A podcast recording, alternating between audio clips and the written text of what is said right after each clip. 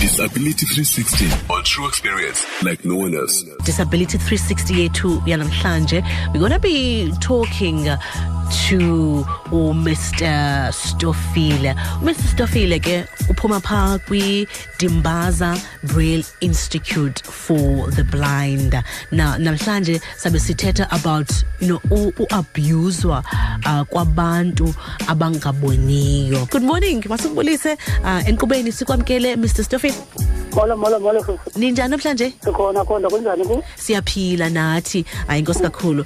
Sincokola namhlanje you know ngo-abuswa kwabantu abangaboniyo by us as members of a community. But especially uh, umntu ke xa esebenzisa you know i-public transport esebenza esebenzisa iteksi zeziphi ii-challenges e, e, enidibana nazo you know ningabantu abangaboniyo? Ingakumbi xa umntu esebenzisa i-public transport. Eh mazikhali into eyenzekayo wena mntu ungaboniyo funeka kuqala ube nomntu wesibini ozawufuneka uhambe naye. Ukwenzela into yobana xana unothi ugezeleke kwi-public transport abe nokwazi into yoba athathe inamba yaloo moto. Ukwenzela into yoba sizokwazi into yobana ke siyise eh phaya e-police station or else phaa kwiiofisi zonesiti uchaza into yoba ngemini ethile uye wagezeleka so zezinye zezinto ezo esizifumanayo ezesibini yinto yobana masithi apha kubakhweli ngelinye ixesha xa kuye kwasota umntu akabhatala kuye kuthiwe mhlawumbi kulaa mntu ungaboniyo longabhatelanga uyabo uphethe utyholeka ke ngoku. Kwenzeka into yobana ke kubhatala kabini ngoku uyabona ke uyachaphazeka ke ngoku.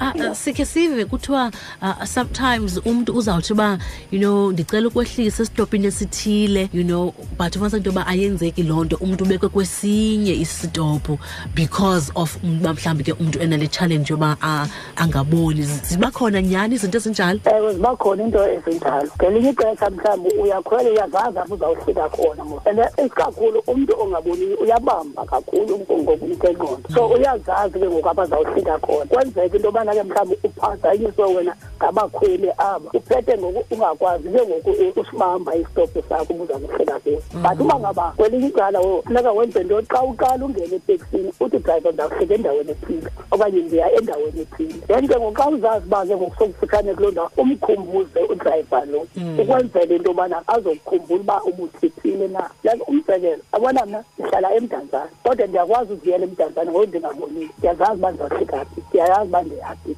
ide ndiyofika ekhaya kwa-sixteen ewe ndiphinde ndibone okona kungamandla kufuneka uthethile wena mntu ungaboniyo nalo mntu ukhaphayo ngelinye ixesha mhlawumbi awubi namntu nalowo wokukhapha. Uyazihambela uwedwa ungaboni.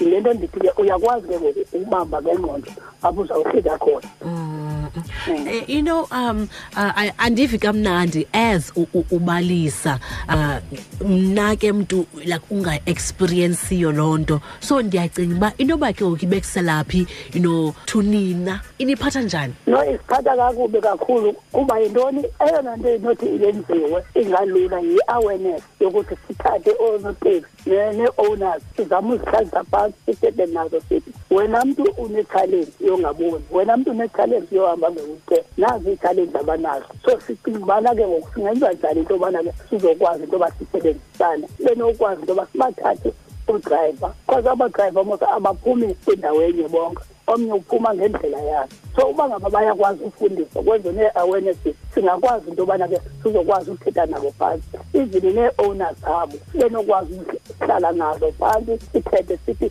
nazi ii-challenges zabantu abakhubazekileyo all right amazwi okokugqibela uh, before ndikhulule mr stofile um ndithi abantu abakhubazekileyo mayibe indlela yabo into yobana benze i-awarenesses ukwenzela into yoba nalapha ekuhlaleni baziwe into yoba bakhona. Yabona ke apha edimbaza singabona abantu ba-ekta kakhulu thina apha edimbaza because thina asiyiyeki into siyayilwa siyayilwa ukwenzela into yoba nawo ngomnye bazokwazi abantu banqandane xa bebona besenze into erongo masibulela kakhulu ngexesha lakho mr stofile belosuku lomnandi. Okay masikhale sincokola naye umr stofile apha ke kwidimbaza braille institute for the blind ethetha ke ngemicelimingeni abathi bajongane nayo uh, ingakumbi ke you know i-abuse abathi ba-experience xa besebenzisa i-public transport idisability 360 ubuyiphathelwe yitrue fm ibambisene ne-sabc foundation. For more disability content visit sabc disability 360 on facebook or follow at sabc disability on twitter